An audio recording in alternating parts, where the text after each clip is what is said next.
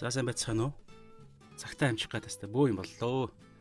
Гаднаасаа орж ирээд ядчихад аа нөгөө хогны машин ирээд бас тэгээд хог мөгөө ачаад галзууллаа та. За лайв хийж эхэлсэн байна хараатах. За үзэж байгаа хүн байна орж ирсэн хүн байгаа бол дуу нь ямар байна нэгдүгээр хоёрдугаарт аа лайв явж гэнэ үү? Явж байгаа бол та. За хүн орж иртэл ямар ч байсан. А энэ явж л ах шиг байна те. За.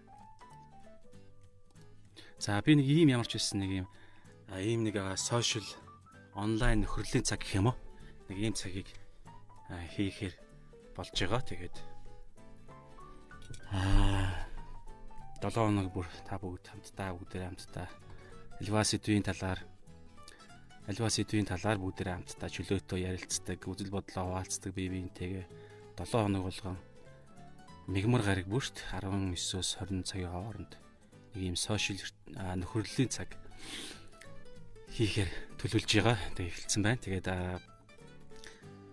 ерөөсөө нээлттэй байгаа шүү манайхан чөлөөтэй тэгээд орж ирээд аа итгэлийн амьдралын талаар ч юм уу та ер нь альва зүйлийн талаар ярилцахыг хүсэж байгаа, асуухыг хүсэж байгаа үзэл бодлыг маань сонсхойг эсвэл та өөрөө ч гэсэн үзэл бодлоо хуваалцаж болно. Тэгэхээр аа тийм байгаа шүү. Аа чөлөөтэй аа комент хэсэгт та бүгд маань яагаарай. Аа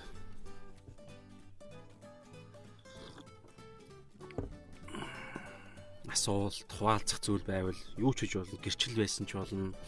Аа Ер нь те таны итгэлийн амьдрал ямар байна? Итгэлийн амьдралынхаа талаар хуваалцаж болно.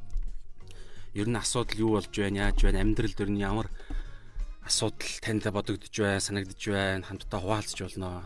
Тэгээд энэ цаг энэ лайв иймэрхүү байдлаар сошиал ертөнцийг ашиглаад хаанаас ч орж болох энэ зүйлийг зүйлээр хамтдаа нөхөрлөж та ч гэсэн комент хэсэгт те үзэл бодлоо хуваалцаж асуух, ярилцах ерөөсөө олон нийтэд хуваалцах хэлэх зүйл байвал бас хэлж болно. Би тэр комент хийж уншиж өгөөд Тэгээ бас асуух зүйл байвал би ч гэсэн өөрийнхөө хэмжээнд хариулнаа. Тэгээд ийм нөхөрлөл нь яагаад хийхийг хүссэн бай гэхэлэр их чухал санагдсан л та. Бид нар чуулган дээр хамтдаа нөхөрлөдөг те 7 хоногт. Тэгээ эсийн цагуудаараа ч гэсэн. Гэхдээ бас 7 хоног болгон те таньч мэдхгүй би бинээ танихгүй ч гэсэн хамтдаа танихгүй тусмаа хамтдаа бүгдээрээ танихгүй тусмаа та асуухыг хүсэж байгаа зүйл ер нь ингээд олон нийтэд ч юм уу эсвэл хин нэгэнд ханддаг ч юм уу? Ер нь тий монголчуудтай хандаж хэлхийг хүсдэг зүйл явал комент хэсэгт та үлдээж болно. Тэгээ тэрийг би уншиж өнгөө тэгээ үзэл бодлоо хуваалцж болно. Тэгэхээр таньдаг хүмүүсүүдийн хоорондох нөхөрлөл. Аа нэг өөр нэг төрлийн явагддаг. Аа би бинээ бас яг амьдрал дээр уулзаж нөхөрлөж те ярилцдаггүй таньдаггүй амьдралаа би бинийхээ өнгөрснийг мэддэггүй хүмүүсүүдийн нөхөрлөл бас нэг өөрөөр яваад идэг. Тэгэхээр арай нэг тийм одоо юу гэдэг дамаа утсаар ч юм уу те захиагаар ч юм уу мессежээр ч юм уу чатаар ч юм уу харилцах үед бас арай нэг тийм үнэн ч хийд гэдэг юм уу тийм байдлын ч гэсэн нөхөрл явагддаг учраас бас ийм лайв 7 хоног болгон хийж ивэл гоё санагдсан. Тэгээ надад ч гэсэн бас ашигтай. Би ч гэсэн гоё та бүгдтэйгээ нөхөрлөөд бас те гоё цагийг өнгөрөөн та бүгд маань ч гэсэн бас энэ цагаар тогтмол ингээд уг заншчих юм бол та бүгд манаас үзэл бодлоо хуваалцдаг мэдхийг хүсдэг зүйл шалаа мүүлжлийн талаар ч юм уу эсвэл итгэлийн амьдралын талаар. Тэгээд би ч гэсэн яг тантай адилхан ялгаагүй нэг л хүн байгаа. Нэг итгэгч хүн. Тэгэхээр яг ингээд тойрд сууж байгаад бүгдээрээ ярилцдаг штеп тойрд сууж байгаад а тойрд сууж байгаад тэгээд гой хоорондоо үзэл бодлоо. За хай сэги сэги ороод ирсэн байна үзэл бодлоо ярилцдаг те. Тэгэхээр нэг хүний үзэл бодол ямар чухал байдагтай адилхан бас арай өөр байдагтай адилхан би ч гэсэн ганц хувь хүн учраас тэр байдлаараа бас та надаас юм асууж болно. Та өөрөө ч гэсэн комент хэсэгт үзэл бодлоо хуваалцах болно шүү гэдгийг дахин дахин хэлье. За Сэгийн маань ороод ирсэн байна. За Арт очроо гэдэг хүн бас орж ирсэн байна. Орой минь. Сая би 7 цагаас эхлэх гээд бас бөө юм болж гой цагтаа эхэллээ. Тэгээ бас монголчуудын те цаг барих талаарх асуудал байна. Ер нь таны хувьд юуны талаар ярилцахыг хүсэж чинь те. Нэг гой чөлөөтэй нөхөрлөдөг юм цаг байлгахыг хүссэн юм аа. Тэгэхээр та чөлөөтэй шүү. ер нь ингээд таарда таньдаг хүмүүсүүд хоорондоо бие биентэйгээ бас хоорондоо харилцахаар нэг тийм өнгөрсөн бие биенийгээ таньж мэдсэн түүх намтраасаа болдог ч юм уу ер нь янз бүрийн бие биенийхээ талаар хүзэл бодлоос болоод яг заримдаа бас өөр өөрө харилцахад бас арай нэг хязгаарлагдмал үеуд бас байдаг. Тэгэхээр танд бас энэ иймэрхүү лайв бас лайв дээр комментээр та өөрийнхөө үзэл бодлоо хуваалцах, асуудлаа хуваалцах, уриалга байвал те ер нь тэгцгээ ингэцгээ монголчуудаа хэрэгс итгэгчтэй ч гэдэг юм уу. Тийм байдлаар а ийм чөлөөт эндэр маягаар бас хийхийг хүсэж байгаа. Тэгэхээр чөлөөтэй байгаа шүү. Тэгээд та ямар сэдвийн талаар ярилцахыг хүсэж байна, үзэл бодлоо хуваалцахыг хүсэж байна. А комент хэсэгт үлдээж болно шүү. Одоогоор а хүмүүс маань орж иж эхэлж байгаа. Тэг өчигдөр бас би нэг зүйлийг хүн орж иртэл комент үлдээтэл бас нэг зүйлийг хуваалцъя гэж бодлоо. А нэг цаг үргэлжлэх юм байгаа. Тэгэхээр өчигдөр би бас яалаа Ер нь ингээд сошиал ертөнцид те пост тавиад те Shalom Bible гэдэг Shalom Bible гэсэн Bible Study гэсэн пэйж байгаа. Тэрүүгээр зурган дээр гоё юунууд ишлэлээ тавьдаг те. Тэгээ юунуугаа тухайн агуулгыг ингээд богинохон өгүүлбэрээр дээр нь ингээд фотошопоор тавиад тавьдаг тийм бас үйлчлэл байгаа. Тэгээ янз бүрийн үйлчлэлүүдээр ингээд фейс ертөнцид а пост тавьж их үед би бас нэг өөрийнхөө байдлыг өөрийнхөө сэтгэлийг ингээд хальт анзаарч үзэхгүй юу гэсэн хідэн лайк дарж ийн минийх дээр те. А одоо жишээ нь видео байлаа гэж бодоход хэр олон хүн үзэж гин те. Одоо жишээ нь энэ лайв явж байхад 7 8 гэх мэтчлэн тэгээд энэ байдлыг би анзаарсан л да тэгэхээр бусад итгэгч нар маань бусад христч контентууд контентуудын үзэлт хандлт нь хэр байдгийг би сайн мэдэхгүй байна гэхдээ миний хувьд би өөрийнхөө хийж байгаа контентуудыг хандж байгаа хандлтыг христчдийн хандлтыг би харанга тэгээд одоо юу гэдэг христч биш хүмүүсүүдийн контент контентуудын лайк хандлтууд нь би анзаарахгүй юу. Тэгсэн чинь тэднэрийнх илүү байгаад байгаа. Илүү олон хүмүүс лайк дарж, илүү олон хүмүүс шеэрлдэг ч юм уу те вью нь маш олон байдаг. Бүр хэдэн 100-аараа мянгаараа ч гэдэг юм уу. Тэгээд би энэ байдлыг урд нэг боддггүй байсан. Гэтэ ерэн зүгээр та нар ч гэсэн өөрөө анзаарч ирсэн байх. Одоо подкастууд ч гэсэн подкастууд ч гэсэн ингээд үл итгэгч нараа христч биш хүмүүсүүдийн подкастуудын хандлтууд үзлүүд нь бас их олон байдаг. Тэгэхээр энэ бүгдийг би ингээд анзаарч ихтаа нэг өчтөр нэг зүйлийг би ер нь нэг анзаарлаа бодлоо. Ортой юм шиг санагдсан. Аа итгэгч биш хүмүүсүүдийн а сэтгэл зүйн байдал те одоо сэтгэлийн сэтгэлийн ханамж гэх юм уу? Амьдралын эрэл хайгуул те сэтгэлийн дүүрэлт нь хэр байдаг вэ? Итгэгчдийн одоо сүнснийхэн дүүрэлт гэж ярьдаг те зүрх сэтгэлийнхэн дүүрэлт тэр амьдралдаа хангалуун байгаа байдал нь бас ямар байдаг вэ гэдгээс хамаарч а тэднэрийн одоо юу гэдэг эрэл хайвал хийж байгаа өөрийгөө хөгжүүл entertainment жуулах те өөрийгөө гоё сэргээх хөгжилтэй мэдрэмжийг авах гэдэг үүднээсээ бас янз бүрийн контентууд те лагууд ч гэдэм юм янз бүрийн видео нарыг үзэх хандах хандлт нь илүү олон байдığım болов гэсэн би нэг тийм зүйл бодсон бас. Тэгэхээр таны хувьд юу бодож юм те? А манай хээ зэтгэгчд маань дор бүрнээ юм хийгээд бас цаг зав муу байдаг. Юу ингээд те фейс ороод янз бүрийн юм үзээд те цагаа завгүй хүн шиг ингээд сууж идэг итгэгч нараас ховор байдаг гэдэг утгаараа юм болов гэсэн бас тэр утгаараа бас те а альва зүйлд контентууд үзэж байгаа хандж байгаа хандлтууд нь бага байд юм болох гэсэн тийм бас бодол бодсон бас өөр янз бүрийн шалтгаанууд байгаа байх л да. Тий. Тэгэхээр орж ирсэн хүмүүстэй хандаж дахиад хэлэхэд энэ хүү лайв маань болохоор зүгээр чөлөөтэй лайв байгаа шүү.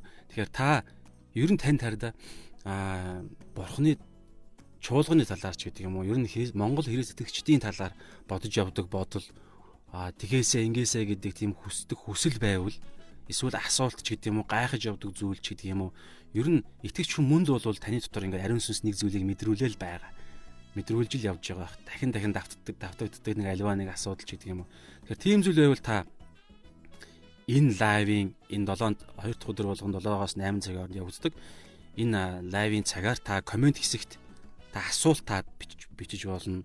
Эсвэл та хуваалцахыг хүсдэг ойлгож ухаарсан зүйлөө та бичиж болно. Тэгэх юм бол би эхнээс нь ингээд гой уншаад үзэгч нартай гой уншиж үзүүлэнгээ би өөрөө бас таны тэр ойлгож ухаарсан зүйл тавьж байгаа асуултын талаар ч юм уу те а үзэл бодлоо хуваалцсан шүү. Тэгэхээр ийм нөх зайнаас нөхөрлөх ийм лайв гэж та ойлгоорой. Тэгэхээр би яг ингээд шууд нэг сэдв бэлтцсэн орж ирэхгүй Тэгэхээр шууд чөлөөд орж ирээл явах юм шүү. Тэ. Тэгэхээр та нар маань гоё чөлөөтэй гоё юу бичээрэй, комент бичээрэй. Битгий одоо юу гэдгийг хичиж айж санаа зовж хүмүүс миний комментиг уншаад ийм сони асуулт тавьчихдаг энэ одоо ямар гар байж гэдэг юм уу. Тийм байдлаар ч та бас битгий бодоорой. Ер нь ардаа итгэгч нар маань бид нар уг нь бол итгэгч биш хүмүүс ч гэсэн ялгаа байхгүй яг гоё. За минь хоёр галсан ах маань хаа гэж сайн байна уу та. Орой минь ах минь та чөлөөтэйгээ үзэл бодлоо хуваалцаж асууж мэдхийг хүсдэг. Өөрөө хуваалцахыг хүсэж байгаа зүйлээр та комент хэсэгт бичиж болно шүү. Тэгэхээр нь хүн гэдэг зүйл бол хардаа хүн болгон бие биенээс ялгаатай. Тэгэхээр таны бодож байгаа сэтгэн бодож байгаа зүйл хүртэл ялгаатай байгаа шүү. Тэгэхээр та бодож явдаг зүйлээ та бас энэ лайвын цагаар гой комент хэсэгт та үлдээвэл талархах юм шүү. Над бас их гой ашигтай цаг болж байгаа. Би гой нөхөрлөдөг. Аа одоо жишээ нь ингээд 5 хүн ороод ирсэн байна л да. 5 6 болж гин. Тэгэхээр эдгээр хүмүүсүүдтэй гой нөхөрлөдөг цаг гэсэн үг. Миний хувьд бас гой нөхөрлийн цаг гаргаж гин.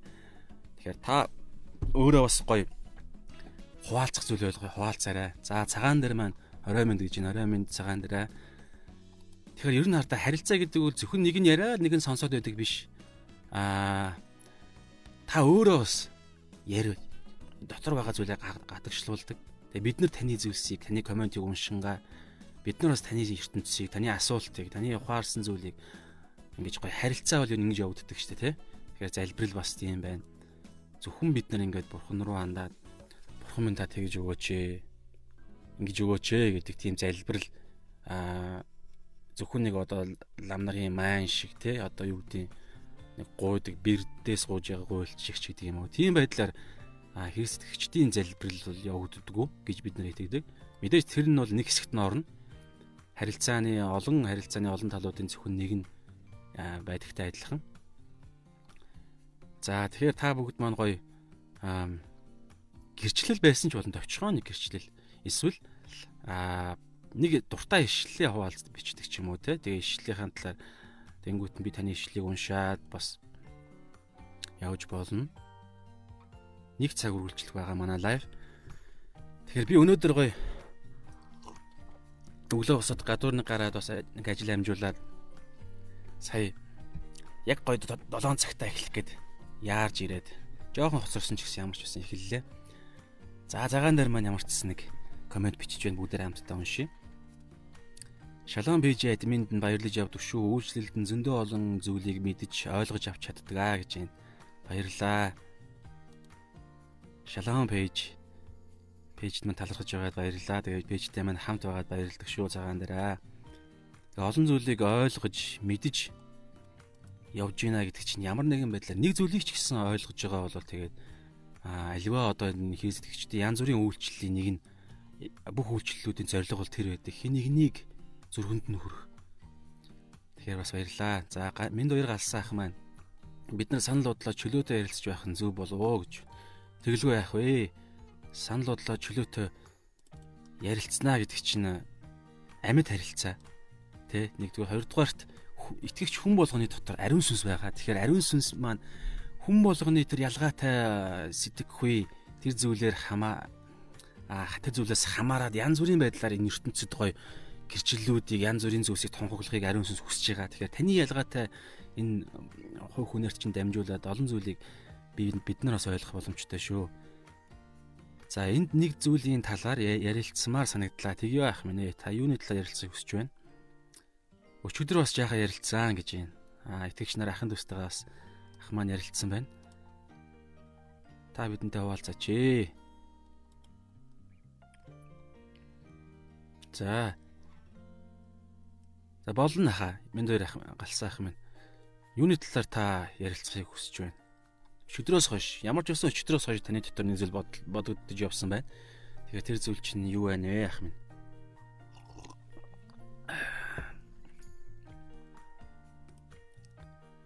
та сэдвээ бичээрэй. Тэгээ таны ярилцахыг хүсэж байгаа зүйлийн талаар дүүнээс үзэл бодлоо хуваалцъя. Бусад хүмүүс ч гэсэн бас хуваалцах байх. Өргөлийн талаар за тэгье. Бүгдээр хамтдаа өргөлийн талаар ярилцъя. Таны хувьд ах эхлээ та өргөлийн талаар өргөлийн талаар ямар байдлаас ярилцахыг хүсэж байна? а библийн одоо юу гэдэг ийм байх нь одоо ийм байх үндсэн тийм горимтай байдаг а хэлбэртэй байдаг а гэж ярилцах уу эсвэл а одоогийн нөхцөл байдлынхаа чуулгануудынхаа ч гэдэг юм уу эсвэл таны дотор мэдрэгдэж байгаа зүйлийн талаар ярилцах уу ер нь бол хардаа өргөл гэдэг энэ зүйл бол Тэнгэрийн хаанчлалд маш чухал чуулганы тулаанд маш чухал шүү. За энд за би уншиг минь хоёр галсаахын комментиг энд нэг хүн өөрийгөө хүн шиг гайхуулаад байх өргөлгүй хүн гэсэн утгатай зүйл бичсэн байсан гэж байна. Яг үнэ иймэрхүү яг үнэ энд энэ хүний цаана бас нэг өргөлийн талаарх ойлголт байгааз өргөлийг ингээд яг энэ хүн шиг ойлгосон нэг тийм ойлголт. Энд нэг хүн өөрийгөө хүн шиг гайхуулаад байх гэж байна те. Тэгэхээр хүн шиг гэдэг нэг ойлголт явж байна те. Хүн шиг хүн бол нэг өөрөөр өрөх гээд байна шүү дээ. Тэгэхээр бас тэр хүн шиг хүн маань өөрөө тэр нэг хэмжээгээ ч гэдэг юм өргөхтэй бас нэг тийм гайхуулаад байгаа юм шиг гайхуулж өргөж байгаа юм шиг тийм хүмүүс бас байж болж байна. Тэгэхээр тэр хүмүүсүүдийг энэ хүн маань өөрөө аа мэдэрсэн л байна л да. Гаднаас нь мэдэрсэн үү эсвэл одоо юу гэдэг тэр хүний үнэхээр их хэлж ярьж байгаа зүйлээс нь яг бодтой нэг ийм хүмүүсүүдээс мэдэрсэн байна уу эсвэл зүгээр хүмүүсүүдийн ямар нэгэн байдлаар зүгээр өргөлийн хэмжээг хараад энэ ах маань энэ цаана байгаа энэ хүн маань өөрөө ингэж таасан уу гэдэг бас ялгаатай. Гэхдээ иймэрхүү хүмүүс бас байгаа шүү байгаа. Одоо юу гэдэг нь өргөлийнхаа их баг хэмжээгээр Библиэр ч гэсэн фарисеучуд гэж ярьдаг шүү дээ. Фарисеучуд нөгөө татвар хураагч болон нэг ядуу хүний нэг хоёр зоос өгдөг хүний талаарх түүх байгаа Есүс хэлсэн. Яа баян хүн өгж байгаа хүн нь яадаг вүлээ. Ингээл төмрөн тэр юунд төмрөн л гэж би ойлгодог. Тэг өргөлийн одоо тэр тавхан дээр ингээл шаржигнуулаад асгадаг штэ дуургаал. Тэгэл хүмүүс хараад одоо юу гэдэг харахгүй ч гэсэн ингээл сонсоол зоосыг нь сонсоол. Яа ямар их хөргөл өгч өргөж ийна гээл тэгэл харангуутал те а энэ хүн юм мундаг баян хүн байна да гээл тэгэл тэр хүний харж байгаа хан тэр хүнийг бусад хүмүүс харж байгаа байдал гээл те гих мэтчлэн зүйлээс бас ялгаа гарагддаг. За ах маань ингээд өөрийнхөө зүйлийгээ битсэн байна. За би уншия Өргөлийн өргөхтэй би бурхны төлөө түүний ариун нэр дуусшгүй алдрын төлөө эсвэл өөрсдийн өчүүхэн их ашигын төлөө хариу харж нэг л дагал болж өргөж байна уу гэдгээл бодох ёстой гэж байна. Өргөлийн өргөхдөө те бид бурхны төлөө өргөж гин үү? Эсвэл бас түүний ариун нэр дуусшгүй алдрын төлөө өргөж гин үү? Эсвэл өөрсдийнхөө өчүүхэн тэр одоо юу гэдэг нэр нэр хүнд ч гэдэг юм уу? Тэр их ашийн төлөө хариу харж те бурхнаас хариу харддаг юм уу? Эсвэл бусад хүмүүсүүдээс тэр алдрыг авах хариу ч гэдэг юм уу? Харж нэхэл дагал гэж шүүр те одоо ямар нэгэн байдлаар хариу харж нэг л дагал болж өргөж байна уу гэдгийг бид бодох хэрэгтэй. Зүрхэндээ бодох хэрэгтэй гэдэгт гэж хэлж байна. Би санал нэг байна те. Үнэхээр энэ маш чухал. Аа бодох хэрэгтэй. Эсвэл шашинлаг хандлага, албадлаг. За албадлаг гэдэг энэ үг бол бас чухал. Шашинлаг хандлага те. Албадлагаар өргөж гин үү? Өргөл өрөхгүй байвал те ямар нэгэн байдлаар чуулганы зүгээс бас тэр хүний шүүмжлэх хандлага байх магадaltaй. Жишээ нь дугтуун дээр нэрээ бичдэг заавал бичиж өргөдөг чуулган бас байж магадгүй. Тийм хүмүүсүүдийн ерөөсөө дугтууж байдгүй, нэртэй дугтуунч байдгүй, эсвэл нэртэй дугтуунд байдаг мөртлөө 7 хоног болгон дээр ингээд одоо өргөлт тоолоход нь тэнд а ерөөс юм өгж байгаа харагддаггүй тийм хүмүүсүүдийг бас ямар нэгэн байдлаар тоолж байгаа хүмүүс ч гэдэг юм уу, удирдлагын ч гэдэг юм уу, дотроо далдуурхан шүмжлээ явж идэг ч гэдэг юм уу. Албадлаг маягаар өргөж гинүү те. Айдас ичингүйрлэр өргөж гинүү гэж юм те. Тэгэхээр нэг тогтсон нэг тийм өргөлийн талаарх ойлголтоос болж энэ айдас ичингүүрэл гэдэг зүйл хиймлэр гарч ирээд байгаа юм л та. Бардамнал дотор өргөж байна уу гэдэг асуултуудыг ах маань гаргаж ирж байна. Зарим нэг нь өчүүхэн хідэн халтар төгрөг, атга будаа ч юм уу өргөл болгож өргөчхөөд дараа нь бурхнаас хариу нэхэж нэг л дагал бол болж явдаг нь ч нууц биш. За бас ийм хүмүүс байна. Өөр тийм бас сонин тийм. Нүгэлт бидний төлөө өөрийн ариун бие үнэт цусаа загалмай өмнө дастуул дасчуулан урсгаж загалмай дээр төгс өргөл болон цовдлогдсон тэр ариун нэгний төгс өргөлийн дэргэд бидний өргөж буй өргөл нь юу ч биш үлээ. Та хэдэн сая төгрөг өргөсөн байсан ч хамаагүй энэ бол харьцуулшгүй юм аа. Яг тэр хүний аим гэж юу вэ те. Тэгэхээр тийм болохоор өргөл өргөхдөө эзний төлөө хааны хаанчл хааны хаанчлалын төлөө илээр бус эзний өмнө эзний юмыг эзэнд нь нууцаар өргөё. Иймд өргөл бол заавал материалыг өгөхч зүйл бишээ. Өөр зүйлч бас байж болно гэж. Ах маань хуваалцж байна. Тэгэхээр өргөлөөр биш арай өөр зүйлээр гайхуулсан дээр байх гэж бодож байна шүү. Ахын дүүс нар маань гэж бас хэлж байна. Үргэл бол бурхнаас ирсэн юмнаас буцаагаад эзэнд өгч байгаа л хэлбэр. Бурхны тэр бүх зүйлсийг бид нар буцаагаад талархж байна эзэн минь энэ таны зүйл шүү гэд тийм сэтгэлийн илэрхийлэл болгож бид нар өргөж байгаа тэр зүйлээ гэдгийг хэлж байна. Тэгэхээр өөх хэсэг нь тухайн хүнээсээ шалтгааллах зүйл байхаа. Түүнээсээ нэг шашинлаг байдлаар заавал өрөх ёстой гэсэн тийм юм бол эзэн ч хилээгүй чуулганы удирдагч нар маань хилдэггүй. Гэхдээ энэ цаана бол мэдээж тэр хүний бүх зүйлийг бид нар авсан юм чинь бид нар эзэндээ өгөх нь бол үнэхээр ятгалгаар биш одоо юу гэдгийг ятгахгүй байсан ч итгэгч нарын жинхэнэ итгэгч нарын зүрхнээс угаасаа гардаг зүйл учраас а бид нар өгдөг шүү. Тэгэхээр харин өөр хүмүүс байвал тэр бас биш юм шүү гэдгийг ах маань хэлж байна. Тэгэхээр өгөх хэсэг нь тухайн үнээсээ шалтгааллах зүйлээ. Өгөх хөргөл нь заавал материалын зүйлч биш, өөр зүйлч байж болно гэж боддог шүү гэж байна. Энэ бол яг үнэ. Тэгэхээр мөнгө гэдэг энэ зүйл бол санхүү гэдэг энэ зүйл бол пасторууд маань ярьдаг. Яагаад өргөл гэхээр хамгийн түрүүнд бид нар санхүү мөнгө бодогддог бай гэхээр үүний цаана бас нэг утга учир байдаг. Тэгэхээр нараа пастор маань ч гэсэн бас хуваалцж байсан би сонсч байсан. Тэгэхээр өөр хүмүүсүүд ч гэсэн сонсч байсан Библийн тайлбар ч гэсэн байдаг.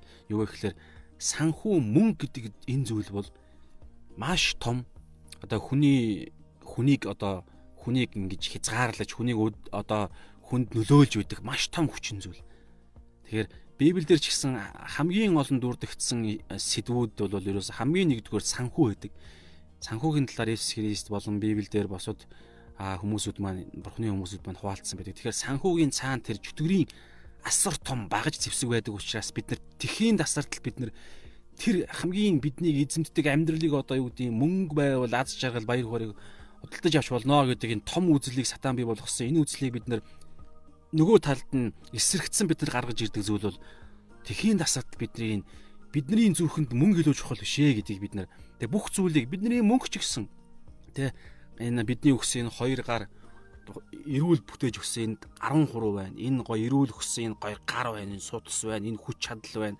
Энэ нүүр байна, хил ам, нүд байна. Энэ бүх зүйлсийг биднэрт үнгүй өгсөн учраас энэ бүх зүйлийг ашиглаж бид нар ажил хийж байгаа шүү дээ. Сургууль сурсан, бид нар эрүүл ухаангүй хүмүүс зөндөө ихээс төрдөг шүү дээ. Тэгэхээр эрүүл ухааны хүртэл бурхан биднэрт бэлгэлсэн. Тэгэхээр энэ бүгдийг ашиглаж бид нар ажил хийж мөнгө олж олдог. Тэгэхээр бидний өгсөн бурханы өгсөн энэ гайхалтай үнэгүй зүйлсүүдийг зүйлсүүдээр орж ирдэг тэр гайхал тэр олон зүйлсүүд ивэл ирүүлүүд бүгд бурхнаас шүү гэдэг утгаараа бид нар өргөлийг бид нар өргөдөг нэг талаасаа. А нөгөө талаасаа бол бас чуулганы бурхны тогтоосон чуулганы тэр цаашдаа өргөлжлүүлэн хаалга хаахгүй барьж явах те зарим нэг бүтэн цагийн ажилч нар нь пастор ахлагч нар маань тэндээ мөнгөний ойн хойноос те одоо юу гэдгийг захтай зогсохгүй энэ тэнд гаж 8 хийхгүй банкнд те энэ тэнд газар очиж ажиллах тэр цагийнхаа оронд таныг намайг өнөөдөр бурхны тэр юр бусын тэр сүнслэг тэр гайхалтай биднийг чөлөөлөх ажил хийгээд мөнгө олоод бидний чаддгүй тэр зүйлсийг эзний тэр үг чадах учраас тэр үгийг судалж одоо хайж ирэл хайгуул хийж эзэнтэй ярилцаж мацаг барьж залбирч библ судлаж тэгээд бүтэнсээ өдөр болгон өглөө болгоны залбир дээр биднэр лөө хандаж тэгж мөнгөний үг чаддгүй зүйлсийг пастор ахлагч нар маань номлогч нар маань чуулганд үйлчилдэг бүтэн цагийн үйлчлэгч нар маань бидний тэр сүнслэг хэрэгцээний төлөө явдаг учраас тэдгэр хүмүүсүүдийн бодтой хоол унд идэх. Тэд нар чинь бүгд гэр бүлтэй хүмүүс шүү дээ. Бүгд адилхан юутай байр савтай үр зээлтэй хүмүүс. Тэгэхээр тэдний мөн санхунд хаанаас орж ирэх вэ гэдэг талаар бурхан бүр маш анханасаа тодорхой бодсон байсан. Бүр хуучин гэрээнээс тодорхой байсан. Леви үндэст ингээд бүр Израилийн 12 үндэстний овгийн нэг үндэстнийг нь бүр тусгаарлаад тэгээд тэр үндэстэнд ямар ч ажил хийхгүй зөвхөн эзний ариун асарт үйлчлээ гэд эзний ариун асарт үйлчлүүлэхийн тулд левичүүдийг тусгаарлал тусгаарлсан шиг бүр ингээд өнөөдөр хүртэл явж байгаа энэ хаанчлалын тогтолцооны цаана бас өргөлийн нөгөө тал бас байгаа гэж харддаг. За энэ дөр ах маань тийм ээ дүүтэй саналэг байна гэж байна. Баярлаа амин. Үнэхээр ариун сүнстэй хүмүүс бол бид нар ингээд бие биентэйгээ сүнсээр холбогддог. Бие биенийхээ танихгүй ч гэсэн уулзж үзээгүй ч гэсэн бие биентэйгээ санал шууд нэгддэг.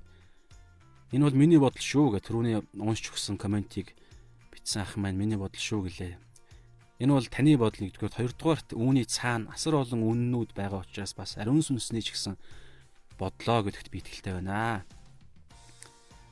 Аа бид нар ингээд бие биентэйгээ бодлоо ариун сүнсний ойлгож ухааруулсан зүйлсийг хуваалцах да үг яриагаар ярьдаг. ариун сүнсний цаана байгаа зүйлсийг бид гаргаж илэрхийлэхдээ хувь хүн өөрийнхөө үгсийнхаа сангаараа өөрсдийнхөө энэ ойлголтоороо бид нар гаргаж яж ярихдаа вэ бид нар янз бүрийн байдлаар тодорхой хувьд нь өөрийнхөө имийг оролцуулдаг. Гэхдээ альва христэгчдийн ухаарсан зүйлийн цаана ариун сүнсний бодол байдаг шүү. За бэлгээ маань эртний танил бэлгээ маань бэлгээ мөн баг шүгэн пасторууд ч гэсэн ажил хийж хувийн аж ахуй эрхэлдэг штэ. Яг үнэ. Ийм пасторууд хардаа яг Паул шиг. Эдгээр пасторуудыг би үнэхээр хүндэлдэг нэгдүгээр хоёрдугаар бахархдаг гэдгээд бас ямар мундаг юм бэ гэж боддог. Эдгээр пасторууд маань яг Паул шиг шүү. Би Паул ингэж хэлсэн байдаг загталтай те. Яг зохистойгоор бол Бурхны тогтоосон дүрм журмаар бол би та нараас өргөл авах зохистой боловч би та нарыг одоод бас бусад аа пасторууд те одоо пасторууд гэж ярьж байгаатай адилхан бусад хүмүүс маань элч нар маань итгэгч нар маань үгийн үйлчлэгч нар маань намайг бас дураагаад жишээ аваад бас а та нарт дараа болох болохгүй тулд тухайн чуулганы нутгийн чуулганы тэр өөрсдөө зайлуул ингэ ядарсан хүмүүстэй очингуудлаа би та нарт сүнслэг а хоолыг өгж байгаа учраас та нар заавал бурхан угаасаа гэж хэлсэн тэгэхээр та нар надад цалин өгөх ёстой гэд нэг тийм байдлаар биш Паул бас тийм байсан. Тэгэхээр зарим пасторууд маань бас яг ийм байсан байдаг. Тэгэхээр эдгээр пасторууд маань үнэхээр мундаг шүү. Эзэнд үйлчлээ, дээр нэмээд аа өөрсдийнхөө хэрэгцээг өөртөө хангаж байна. Тэгээ хажуугаар нь эзэндээ үйлчлээ явж байна. Аа гэхдээ эдгээр пасторууд маань гол зүйлээ бити алдаасаа л гэж би хүсэж байна. Аа гол зүйл маань пастор ахлагч нарын маань гол пастор хончдын маань сургаал номлогчдын маань гол зүйл маань дуудлага маань юу гэхээр эдгээр хүмүүсийн маань эзний үгийг тухаалцах хоёрдугаарт хонин сүргээ хончлох штэ тий Тэгэхээр эднийгээ хийхийн хажуугаар нь Тэгэхээр чи энэ эдгэрийг хийнэ гэдэг чи өөрөөсөө маш их цаг хугацаа шаардна. Дээр нь нэмээд өөрийнхөө хувийн хэрэгцээ, амьдралын хэрэгцээ хангах гад ажиллана гэхээр яг бодит байдал дээр болж ивэл бол үнэхээр мундаг байна. Тэгэхээр эзний ажилд ингэж одоо юу гэдэг юм баланс нь алдагдвал бас жоох харамсалтай. Тэгэхээр алдагдуулахгүй хийдэг патрууд байвал үнэхээр мундаг шүү дээ. Би үнэхээр тэдгэр хүмүүсүүдийг хүндэлнэ. Бас гэрчлэл болгож тэдгэр хүмүүсүүдээ босод хүмүүстэй ч гэсэн бас рекламдахыг ч гэсэн хүсэж байна. За Миндэр ах маань бас яваалж байна. Өргөлийг өргөх нь бол зөвөө. Тэгээ угаасаа Библийн дагуу шүү дээ. Библиэлдэрч байгаа. А бид нар ч гэсэн өргөхийг хүсэж байна. Угаасаа тэгж бид нар эзэнтэйгээ гоё хайраа бид нар эзэндээ илэрхийлмээр байна шүү дээ. За энэ өргөл нь эзний үйл хэргийн төлөө эзний алдрын төлөөх үйлчлэлд зарцуулагдана зарцуулагддаг нь ч зөв билээ.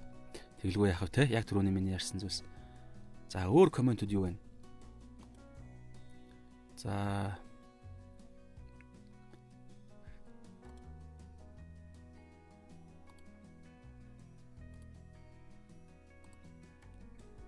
Тийм тий. За бусад комментууд маань игээд компьютер дээр болохоор комментууд нь харагдахгүй байх юм. Аа за одоогоороо өөр хүмүүс бичээг баг шиг байна. За тийм бэлгээгийн маань хэлдэг яг энэ маш бодиттой юм мундаг хүмүүс байна би нэг зүйлийг бас сая саналаа. Та нар санаж байгаа шүү дээ. Аа хэнийг мэдэн шүү дээ. Аа нөгөө хэн блэ? Нэр нь мартчихлаа. Джон Бивер.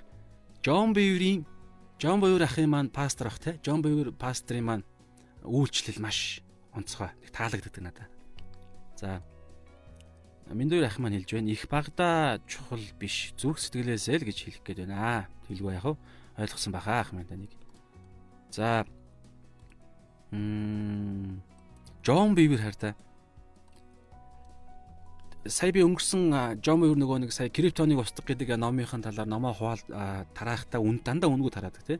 Тэгэхээр номоо тараах тараах энэ үедээ бас юун дээр UB Palace дээр семинар хийсэн дээ. Тэгэхээр энэ үеэрээ би бүтэн суугаагүй ч гэсэн би яасан энэ үеэр Джон Биверийн болон түүний үйлчлэлийн талаар нэг зүйлийг олж мэдсэн нь Джон Бивер өөрөө номоо бичихтэй Джон Биверийн үйлчлэл бас нэг найз нь байдаг байгаа. Тэр найз нь хардаа бизнесийн бизнесийн талбарт дуудлагатай. Тэгээд бизнесийг мөнгө олох тал дээр эзэн түүнийг ингэж өрөөсөн янз бүрийн мөнгө олох тэр шин санаануудаар түүнийг ингэж өрөөдөг. Тэгээд мөнгийг нь бас тэр мэрэгүү ухаанаараа дамжуулан сэргэлэн те соргог ухаанаараа дамжуулан мөнгө олдог. Тэгээд тэр хүн маань өөрөө мөнгө олсон мөнгөө Тэгэд ямар нэгэн байдлаар ном бичигдэж юм уу чуулган тэр хүн маань өөрөө үйлчлэхээс илүүгээр зөвхөн мөнгө л олоход л үйлчилдэг. Тэгээд гол зүйл нь юу вэ гэхээр Джон Биверийн тэр ном номыг нь хевл хевлээд орон даяар хэдэн мянгаар нь тараах тэр санхүүгийн тэр хүн маань а өргөлөөрөө хариуцдаг гэж юм. Тэгээ өөр хүмүүс бас байж магадгүй. Тэгэхээр яг энд бас гайхалтай хаанчлалын тэр нэг зарчим харагдаж байгаа. Джон Бэвэр өөрөө ерөөсөө яаж би мөнгө олох уу? Яаж одоо тэр хэвлэлийн мөнгөнд би тэр мөнгийг олох уу? Тэгээд яаж би онгоц зардал олох уу? Тэгээд бусад хүмүүсүүдэд орон даяар явах замын зардал яах вэ гэх тэр нь ерөөсөө санаа зовдөггүй. Джон Бэвэр өөрөө яадаг вэ гэхээр гол зүйл маань Библи судлах, эзэнтэй өнгөрөх харилцаа, дотны харилцаанд дунд тэр Библи судлаж, тэгэж чуулгандаа үйлчилж, талбартаа үйлчилж тэр сүнслэг зүйлээ хийдэг. Тэгээд санхүүгийн өөр нэг чуулганы Христийн биеийн өөр нэг эрхтэнд нь хариуцдаг гэж байгаа. Тэгэхээр энэ тэр хоёр хүний энэ хоёр найзын хоорондын энэ харилцаа ерөөсө шууд чуулганыг илэрхийлж байгаа гэсэн. Чуулган дээр хийдэг хүмүүс сүнслэг ертөнцид хариуцсан ингээд чанартай цөмлөлт хийсэн, ялалтыг байгуулсан, эрх чөлөөнд гаргасан номлол, зохиол, янз бүрийн үйлчлүүдийг хариуцсан хүмүүсүүд нь зөвхөн тэрийг л бодоод явна. Дээр нэмээд а босод хүмүүс нь юуг нь хариуцдаг те санхүүгийн хариуцдаг гэх мэтчлэн. За, Жом хоёрын талаараас бодогдлоо. Хиний төрөний а хүний талаар бодох үед. За, бэлгээ хэлж байна. Итгэгч нарын зохистой зөв амьдралын талаар яриул яасан юм бэ? За, болж байна. Өргөлийн талаар бид нар нэлээд сайгаа ярилцлаа. Итгэгч юу лээ? Итгэгч нарын зохистой зөв амьдралын талаар яриул яасан юм бэ? Энд ирээд зөндөө олон хүнтэй танилцж уулзсан. За, итгэгч итгэгч мөртлөө тийм биш юм шиг санагдсан. Яг үнэ энэ бол үнэхээр бүх итгэгч нар маань зөвшөөрн. За минь дүү ах маань хамт байсан баярлаа. Дараа уулзъя. Тэгээд энэ юм маань өөртөө эндээ үлдчихэж шүү. Дараа нь дахиад сонсч болно. 7 хоног бол явагдана. За тэгэхээр бэлгийн хилдэг нь бол яг үнэ. Аа тэр байтугай би өөрөө ч гэсэн бид нар өөрсдөө ч гэсэн яг одоо энэ шүүмжлэлт өртдөг бас. Чуулган дээр нэг өөр байдалтай амьдрал дээр нэг өөр, гэртээ очиод нэг өөр. Цуглаан дээрээ нэг өөр. За гадаад оронд очихороо бас нэг өөр соёлтой болно. Тэгээд банк банкны банкнд доошлох гоо зогсохдоо нэг өөр. Автобусын дотор нэг өөр. Хаасайгуу нэг өөр өөр зан гаргадаг. Энэ бол яг нэгдүгээрт амьдралын бас шаардлага. Мэдээж бид нөр өөр өөр тухайн нөхцөл байдалд нь тухайн хүндэн зориулж янз янз харилцсан шүү. Энэ талаар би нэг зүйлийг газ хэлээд тгий. Зарим хүмүүс ингэж ирдэг. Намайг ч гэсэн хэлжсэн чи хоёр нүртэй гэж. Тэгэхээр би нэгдүгээр сөрөг талаас хоёр нүртэй бас байгаа байх. Би бас ингэж анзаархаар. Гэхдээ би өөрийгөө юу гэж боддог вэ гэхээр хоёр нүртэй гэхээс илүүгээр а хэрсүү гэдэг юм уу? Хүн хүнд нь тохируулж харьцдаг гэж би бол боддог. А энийг хэрэг хин нэг нь наадхи чинь хоёр нүр гэж хэлнэ штэ гэж хэлэх юм бол би а миний хувьд үгүй гэж би хэлнэ. Ягаад вэ гэхээр хүн болгон яалтчгүй хүн хүнд нь тохируулж харилцахаас аргагүй хэрүү хардаа та хамгийн дотн хүнтэйгаа ч юм уу те яг харилцдаг шигэ хүн болгондоо тэгж харилцнаа гэвэл энд тийм нэг юм баланс алдагдана гэдэг. Хоёрдугаарт энд маш аюултай байдлууд үүснэ шүү. Энд сатанч тоглолтоо хийн нөгөө хүмүүсүүд энд янз бүрийн юмсууд болно. Тэгэхээр бид нэр жоохон хүүхдтэй нэг өөр харилцдаг, хөвшин настай хүнтэй нэг өөр харилцдаг, үе тэнгийн хүнтэй нэг өөр харилцдаг, багштайгаа нэг өөр харилцдаг те. Ерөнхийлөгчтэй очиод нэг өөр харилцсан а их нэртэйгээ өөр харилцсан, хүүхдүүдтэйгээ өөр харилцсан. Энэ бол угаасаа амьдрал байдаг зүйл шүү дээ. Тэгэхээр энийг би бас хэлье гэж бодлоо. А харин бэлгийн хилдэг те итгэгч мөртлөө тийм биш юм шиг гэдэг энэ ойлголт бол шал өөр ойлголтоо. Энэ дэх тал дээр бол би бас санал нэг байна. За би бэлгийн хувьд бас асууя те. Чиний хувьд бэлгээ. Итгэгч нарын. А ямар одоо юу гэдэг юм те? Итгэгч нарын штэ. Амьдрал дээрээ ч гэдэг юм уу? Гадуур явж ихдоо ямар зан нь ямар үед чи энэ зүйлийг мэдрээд тэ а чамд таалагдаагүй вэ? За мэдээж бид нар нэрийг хэлэхгүй те. Тэгэхээр ямар үед чиний хувьд нэг итгэгч нэг тийм зан гаргасан, тийм тохиолдол байсан болж таарж байна мэдээж бид нар бүгдээ л мэдэрсэн байгаа. Тэгэхээр тийм зүйлээ бол чи боломжтой бол найздаа хуваалцаач тэн дээр бас тодорхой ярилцуулаас бас илүү ойлгомжтой байгоонс ярилцлага болох юм болов уу гэж бодлоо. За тэр хүртэл За амьдралын хэв маяг гэх юм уу та аа яг үнэ яг үнэ. Яг нэг тодорхой нөхцөл байдалд харилцсан харилцааны хэв маяг гэхээс илүүгээр те амьдралын хэв маяг гэж байна. За энэ бол хардаа яг үнэ санал өгөн билгээ. Энэ бол бүр гүн рүү орж шүү. Энэ бол тухайн хүний бүр итгэл нь ямар байна вэ гэдгээс хамаарах боломжтой. Наана юу гэдэг тэр хүн мэдээж бас гоё харилцаатай хүмүүс мөртлөө амьдралынх нь хэм маяг нь өөр яваад байна шүү дээ. Миний бодлоор юу гэж бодож байна гэхээр та нар бас бодлоо болцаарай. Миний бодлоор юу гэж бодож байна гэхээр хардаа ийм байна. Хүн за өмнө нь ямар байх нь хамаагүй итгэл дээр ирээд итгэгч болно гэдэг чинь тэнд ямар процесс явагддаг вэ гэхээр сүнсээр дахин төрнө гэсэн үг. А цулаанд явдаг мовдаг гэж би нэг ярмаар байна. Энэ бол яг туулийн энэ хэмжүүр болж чадахгүй. Гэхдээ яг жинхэнэ итгэгч болоод сүнсээр дахин төрсөн хүнтэй одоо ингээд хүн маань тэр цэгээсээ эхлээд цаашаа өргөлжлүүлж амьдрах амьдрал нь яалтчгүй өөрчлөгдөхөөсөөр аргагүй заавал өөрчлөгддөг гэж би хэлэх гээд байна л да. Үнэхээр итгэгч хүн жинхэнэ итгэгч болсон бол за хуурамч бэлгээ бичиж байна те. Хуурамч зан нь хуурамч зан гэж зан харилцааны талаар ярьж байна. Харилцаа бол ямар ч байж болно. За ямар ч байж болно те. Бүрэн таних боломжгүй. Харин гол нь хуурамч зан нь үнэхээр дургу хүрхсэн.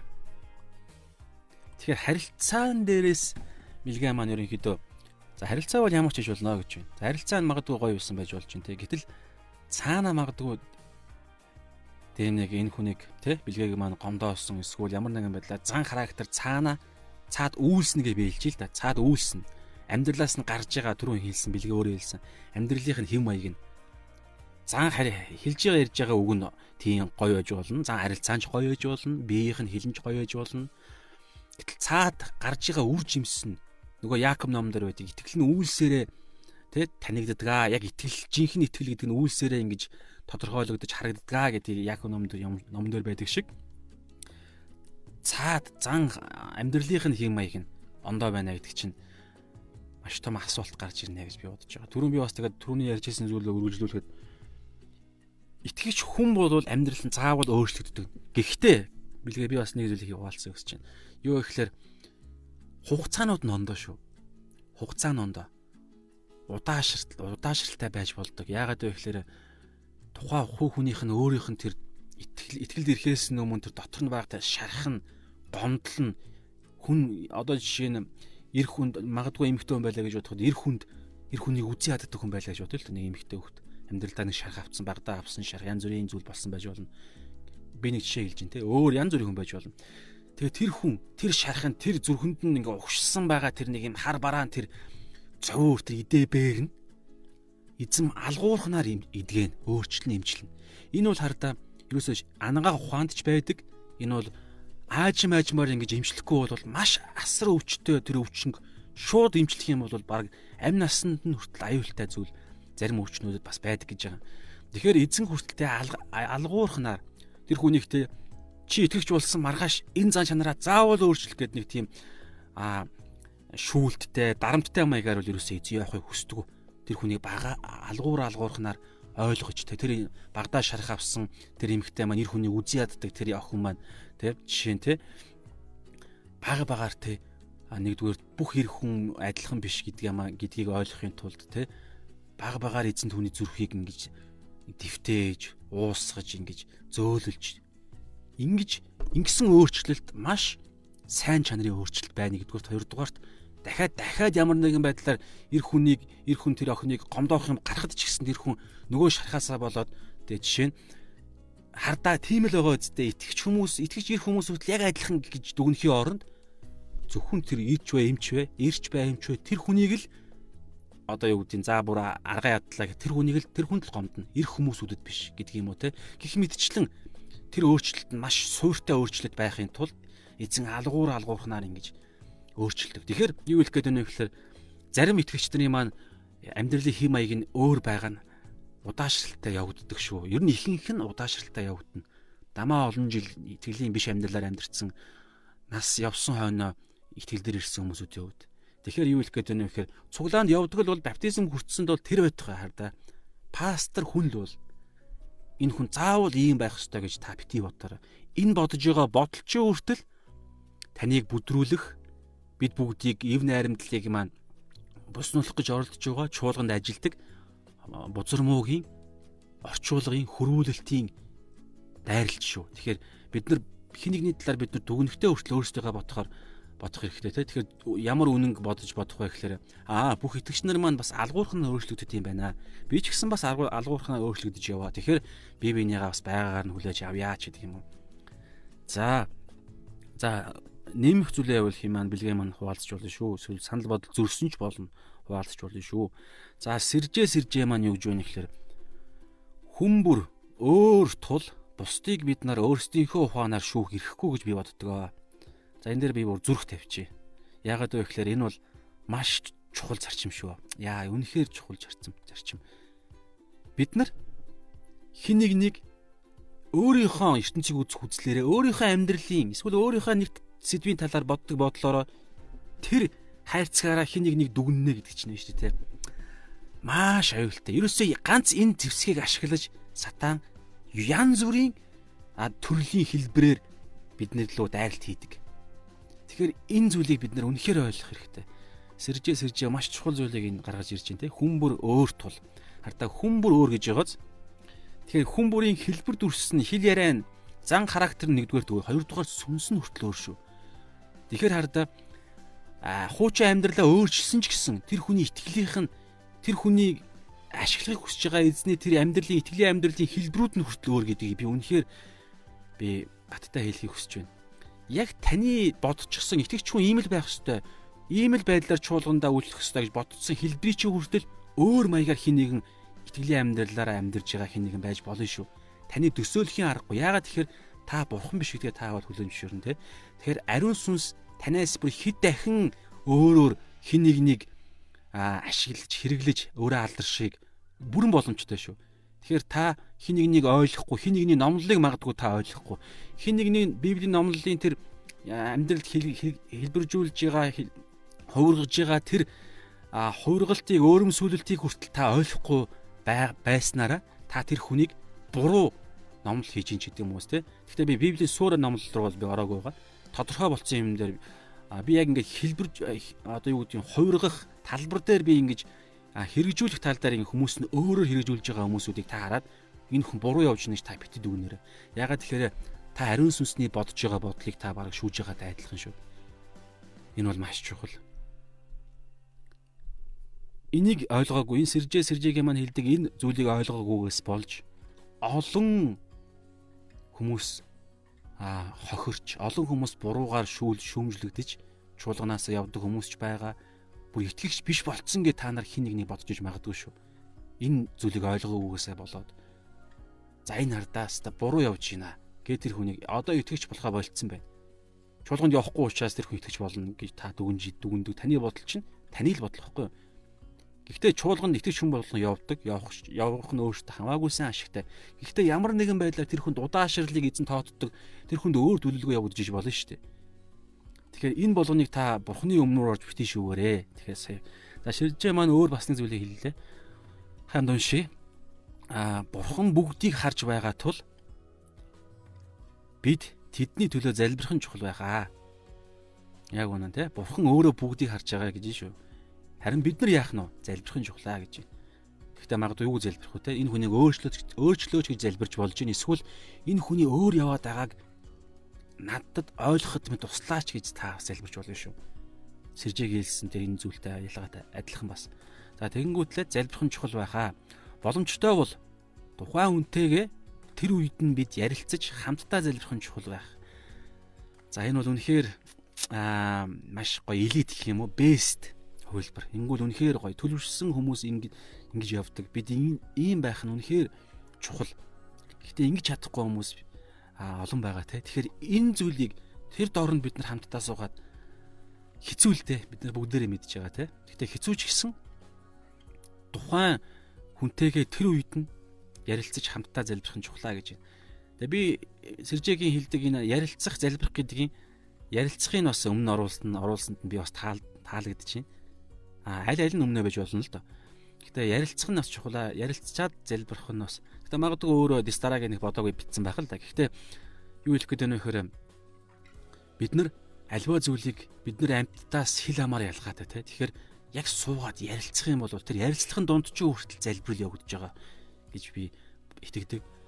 Хардаа ингээд ер нь залбирал гэдэг энэ ойлголт чинь те нэг газар суугаад те ингээд цаг гаргаад а нэг хэлбэр биеийн хэлбэр те нэг хэл хэл ярианы үгээрээ илэрхийлж байгаа. Тэр нэг тогтсон хайрцагч хайрцагжуулсан тэр зүйлийг бол залбирлын нэг хэсэг нь болохоос биш залбирлал бол янз бүрийн байдлаар явагддаг шүү.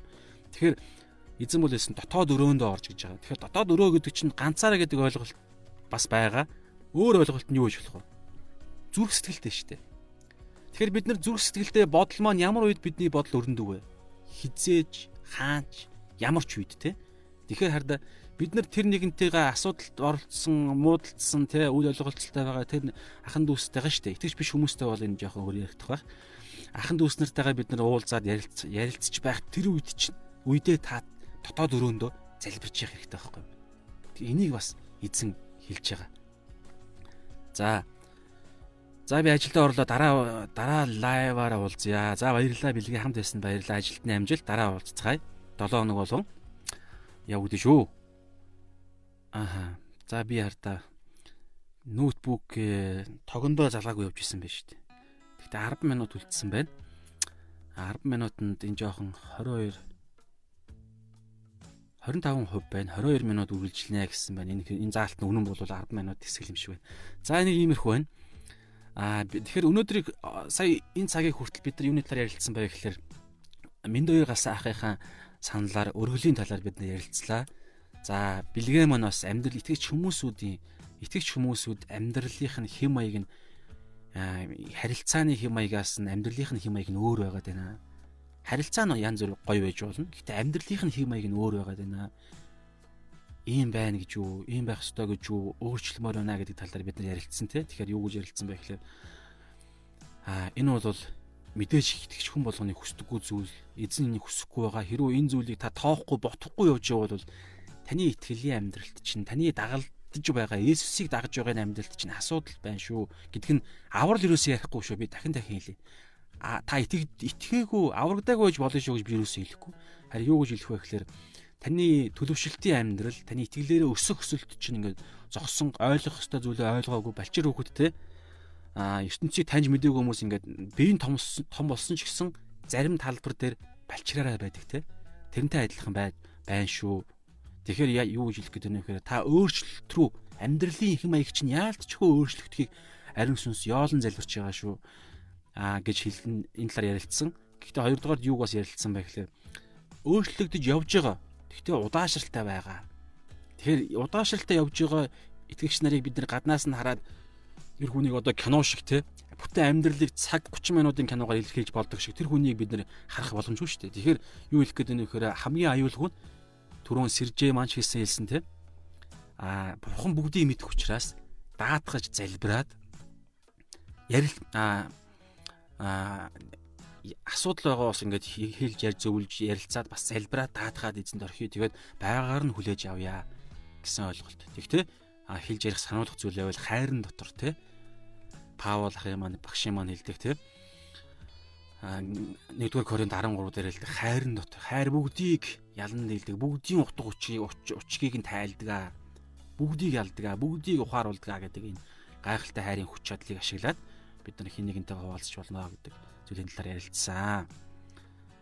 За бас эхнийхээ лайваар бүгдээр хамтдаа бас гой гой чухал чухал зүйлсийн талаар ярилцлаа гэж би наа сайхан баяртай байна. За тэгэхээр а ерөнхийдөө өндөрлөх тийшээ хандах гадал байна. А биднэрт нэг 10 минут орчим хугацаа байна.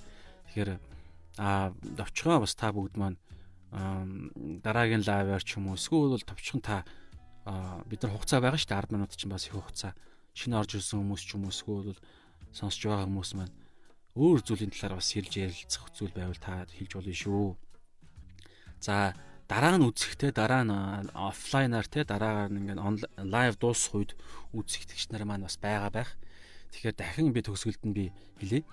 А энэ хүү лайв маань болохоор чөлөөтэй шүү. Яг л нэрэн дээрээ байгаа байгаачлан юу ч ярилцсан яах вэ гэсэн ийм чөлөө тэн дээр байгаа. Тэгэхээр та комент хэсэгт та өөрийнхөө үжил итгэлийн амьдралын талаар та үжил бодлоо хуваалцж болно. Нэг сэдвийг гаргаж ирээд хамтдаа тэр сэдвийн талаар та комментоор би таны комментиг уншингаа би үжил бодлоо хамтдаа хуваалцаад иймэрхүү маягаар сошиал юм нөхөрлөлийн ариун хүмүүсийн нөхөрлөлийн сошиал хэлбэрийг а 7 хоног болгоны а мегмар гарагийн 19-өөс 20 цагийн хооронд байн хийж шүү нэг цагийн хугацаанд. Тэгэхээр та энэ хугацаанд орж ирээд чөлөөтэй таны нэрнээс чааш би бол таны талаар өсө ярилцахгүй шүү дээ. Зөвхөн таны нэрийг чинь дурдаад тэгээд таны текстээр бичиж байгаа тэр үгийн цаана байгаа тэр агуулгыг бид ярилцсан. Тэгэхээр ерөөсөө маш цэвэр гоё аюулгүй ярилцлага болно гэсэн үг. Тэгвэл би дөрөнд лавийнхаа постн дээр хэлсэн те.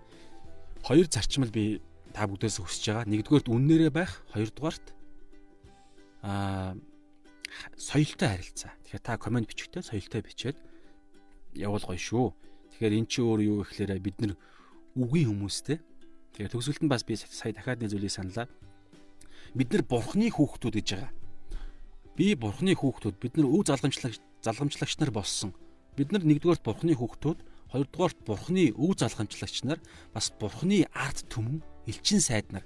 Тэгэхээр дандаа бид нар бурхны төлөөлж явааз бурхны хүүхдүүд гэхэр чинь бид нар баг бурхадтай адилхан юм шиг юм шиг бичиж байгааз хуучин гэрэн дээр хүртэл бид нар бид нарыг бурхад юм шиг тийм яруу найрыг ном бичсэн байгаа. Тэгэхээр юу хэлэх гээд байна вэ гэхээр бурхан өөрөө яалаа Эхлэл номын 1-1 дээр эхэнд Бурхан Тэнгэр газрыг бүтээжээ гэд нэгдүгээр бүлэг дээрээ үгээрээ орчлон ертөнцийг бүтээсэн. Бурхан зөвхөн үг л хэлсэн. Хэлсэн үг нь бодиттой болохдоо энэ эртлийн ертөнцийн дээр шинжлэх ухааны одоо энэ тайлж майлаад байгаа бүх зүйлийг нь тэр үг нь бодиттой болгосон. Тэгээд тэр бүтээгдсэн зүйл нь одоо хүртэл ингэж явж байгаа тэр тогтолцоо тэр систем тогтолцоо нь одоо үгээрээ өнөөдрийн хүртэл байнга явж байгаа. Байнга өнөөдөр хүүхдүүд шинэ хүүхэд төрж байгаа тэр тогтолцоог эзэн зүгээр л үгээрээ өсөн нэмэгдэж өнөр өтгөн болооройг л хилцсэн ганцхан үгээрээ. Тэгэхээр яг энтэй адилхан а бас Иохан номдор юу гэлээ? Ихэнд а үг нь махан бий болж бидний дунд ирсэн гэж байгаа. Есүс Христ. Тэгэхээр бид нар Есүс Христийн ариун сүнсийг бид нар зүрхэндээ тээсэн. Тэгэхээр Бурхны хүүхдүүд Есүс Христийн зүрхийг ариун сүнсийг зүрхэндээ тээсэн. Бид нар яг Есүс Христийн тэр бяцхан Есүс Христ гэдэг утгаараа бид нар юу гэхээр бурхан бурхан ч өөрөө үг штэ. Тэгэхээр бид нар өөрсдөө үг байхгүй юу?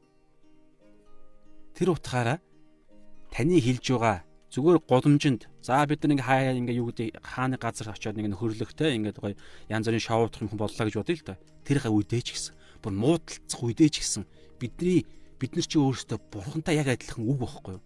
Тэгэхээр бид нар хэлж ярьж байгаа зүйлээ бид нар үнэхээр хяндаг байх хэрэгтэй. Тэр утгаараа би энэ хүн лайвын маань хоёр дахь зарчим нь соёлтой гэж байгаа те. Тэгэхээр та комент бичгтээ хүртэл та өөрөө таны бичиж байгаа үг болгон чинь та өөрөө шүү. Тэр утгаараа бүгдээр хамтдаа соёлтой а болон утга учиртай үннээрээ ярилцдаг байя гэдгийг би хэлье. За тэгээд а одоо хэдэн хугацаа нэг 5 минутын хугацаа байна. Лайв маань өндөрлөхөд тэгэхээр би комент бичих хүмүүс гарч ирэхгүй байгаа учраас тодорхой санал хвшүүлэх хүн байхгүй байгаа учраас би бас нэг зүйлийг хуваалцъя. Юу гэхээр сошиал ертөнцийн талаар. Тэгэхээр бид нар бүгдээ одоо энэ Z цаг үед 90 үед амьдарч байна те. Тэгэхээр Z ABCD EFG гэж явж байгаа шүү дээ. Тэгж байгаа Z гэдэг хамгийн англи хэлний 20 хэдийн үсэг 26 ойлоо. За хэд вэ? 20 хэдэн үс цагаан талхай 20 хэдэн үсгний хамгийн сүүлчийн Z гэдэг үсгээр энэ үеийг дэлхийн ертөнц тодорхойлцсон байгаа. Тэгэхээр энэ юу гэж тодорхой яагаад Z гэж тодорхойлсон бэ гэхээр хүний харилцааны одоо юу гэдэг технологи а хүн одоо ингэж боловсрохын хамгийн одоо сүүлчийн байж болох хамгийн төгс үеийн гинэлтэй одоо энэ сошиал ертөнц байна, интернет байна, энэ глобалчлал байна те бүх зүйл одоо энэ лайв явж байна. Би өнөөдөр яг энэ цаг мөчид одоо таны цаг хэд болж байна? 2020 оны 2 дугаар сарын 18-ны 7 цаг 58 минут. Магадгүй танд бас яг энэ цаг байгаа. Тэгэхээр харал та би өнөөдөр энэ өөрийнхөө өрөөнд суугаад тантай ингээд ярил харилцаж штэ. Тэгэхээр энэ чинь өөрөө энэ 90 үеийн хамгийн хүн төрөлхтний түүхийн хамгийн сүүлийн одоо энэ харилцааны төгс хэлбэрийн гинэ урд нь та захаа байсан мориор байсан сүүлдээ захаа нь галт эргээр болсон дараагаар нь захаа байж байгаа сүүлдээ а өмнө нь тагтаа байсан шүү дээ тагтаа байсан Тэгээд захиа болсон дараагаар нь гар утас болсон. Зүгээр одоо ингэж эргүүлж яагаад ингэ утсаар ярддаг те ингэж ингэж цэнэглэгддэг утас болсон. Сүүлдээ гар утас болсон. Гар утас нь те янз бүрийн гар утас байж байгаа. Сүүлдээ одоо хамгийн сүүлд харалтаа гар утас нь лайв хийж шít. Одоо баг компьютер хэрэггүй болж шít. Шууд дэлгэгддэг шивдэг тийм гар утас бас гарцсан байгаа. Тэгэхээр янз бүрийн утасууд тэгэхээр харилцааны хамгийн төгс хэлбэр буюу одоо хараа шууд ерөөсөө цаг хугацаа гэрлийн хурдаар бид бие биентэй харилцдаг.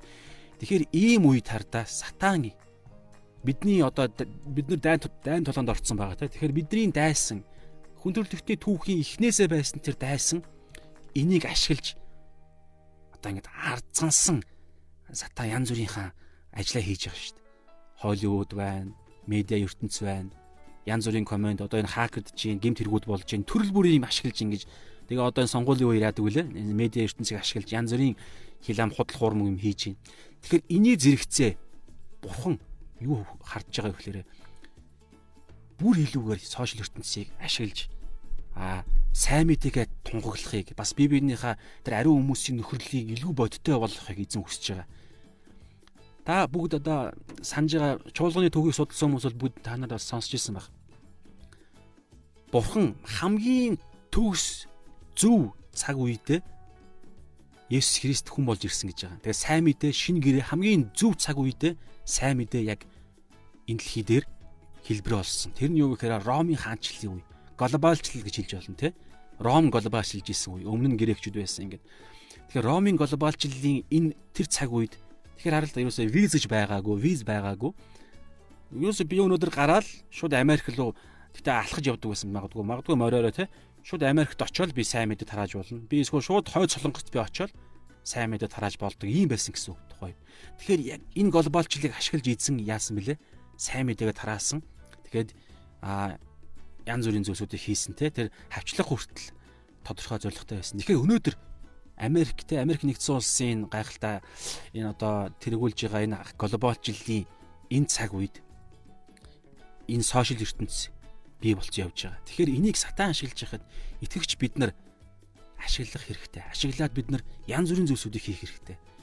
Бид нар та одоо таны хувьд бүрэн боломжтой шүү дээ. Үзэж байгаа одоо бол 6 хүн үзэж байна. Тэгэхээр үзэж байгаа 6 хүн зургуулаа. Зүгээр л гар утсаараач бай, юугаарч бай, компьютераар ингээд нээгээл та шууд шинэ пэйж нээж болно Тэгээд групп нээж болно. Тэгээд та өөрөө лайв хийж болно. Тэгээд та лайва нөгөө гой гой хаанчлалын зармаар те Монголын христийн юу лээ залуучуудын групп мөрө буцах замгүй эцэг хүү ариун сүнсгийн групп дээр та шеэрлж болно. Асуудалгүй. Тэгэл та өөрийнхөө хэлэх хэлж ярих байгаа зүйлээ та хуваалцах боломжтой гэсэн. Тэгэхээр ийм гайхалтай боломжийг эзэн өгчөөд байхад сатан энийг ашиглаж байгаа учраас бид нэр ашиглаж та хүүхэн таны тэр ялгаатай өнгө ялгараасаа гэж би үгсэд байгаа байхгүй. Тэр утгаараа би ч гэсэн өөрийнхөө зүгээс л нэг юм 7 хоног болгон хийж байгаа. Тэгэхээр бид нарт 2 минут үлдсэн байна. Ягаад за 1 минут үлчлээ. Ягаад вэ гэхээр 7 цаг 3 минутанд эхэлсэн байгаа маа. Тэгэхээр 1 цаг үргэлжлэх юм. Дараагийн 7 хоногт би яг 7 цагтаа эхэлнэ. Тэгэхээр та дараагийн 7 хоногийн нэм гаргийн мегмар гаргийн 2 дахь өдөр гэсэн үгтэй. Мегмар гаргийн 7 цагт та энэ одоо юу гэдэг энэ дэр дээр гоё хамтдаа ариун хүмүүсийн нөхөрлийн сошиал хэлбэрийг гэрлийн хурдаар бие биентэйг харилцдаг энэ гайхалтай технологийн хэлбэрийг бүгдээр хамтдаа хамтдаа нөхөрлөе. Тэгээд та өөрөө ч гэсэн өөрийнхөө боломжоор одоо эдгээр дөрвөн хүн маань та сошиал ертөнцийг ашиглаж та өөрийнхөө зүйлсүүдийг та бие биентэйгээ хуваалцаараа та ганцхан ганц өгүүлбэр бичсэн ч болно. Та ухаарсан зүйлээ ганц өгүүлбэрээр. Хамгийн гол нь бид нар бие биентэйгээ энэ зүйлийг хуваалцахдаа эзний алдрын төлөө гэдгийг хэлье. За тэгээд ерөнхийдөө цаг маань өндөрлөө. Яг нэг цаг боллоо. Тэгэхээр үнэхээр сэтгэл хангалуун байна. Батарейч бас дуусч байна. За тэгээд баярлалаа. Дараагийн дугаараар дахин уулзтлаа баяртай. Та ярилцахыг хүсэж байгаа зүйлээ байвал та бодцоод дараагийн 7 хоногт ирээрээ. Шалаан бүгдээрээ эзний хаанчлалын төлөө урагшилцгаая. Тэгээд өөрөөрөө байгаараа эзний хаанчлалын зорилгын төлөө, алдрын төлөө зөвхөн өөрөө зөвхөн эзний алдрын төлөө өөрөөрөө байгаарай. Амен. За шалаан.